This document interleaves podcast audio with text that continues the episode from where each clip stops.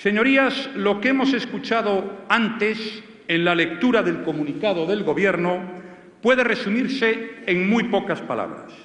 No es posible atender a lo que nos solicita el Parlamento de Cataluña porque no lo permite la Constitución.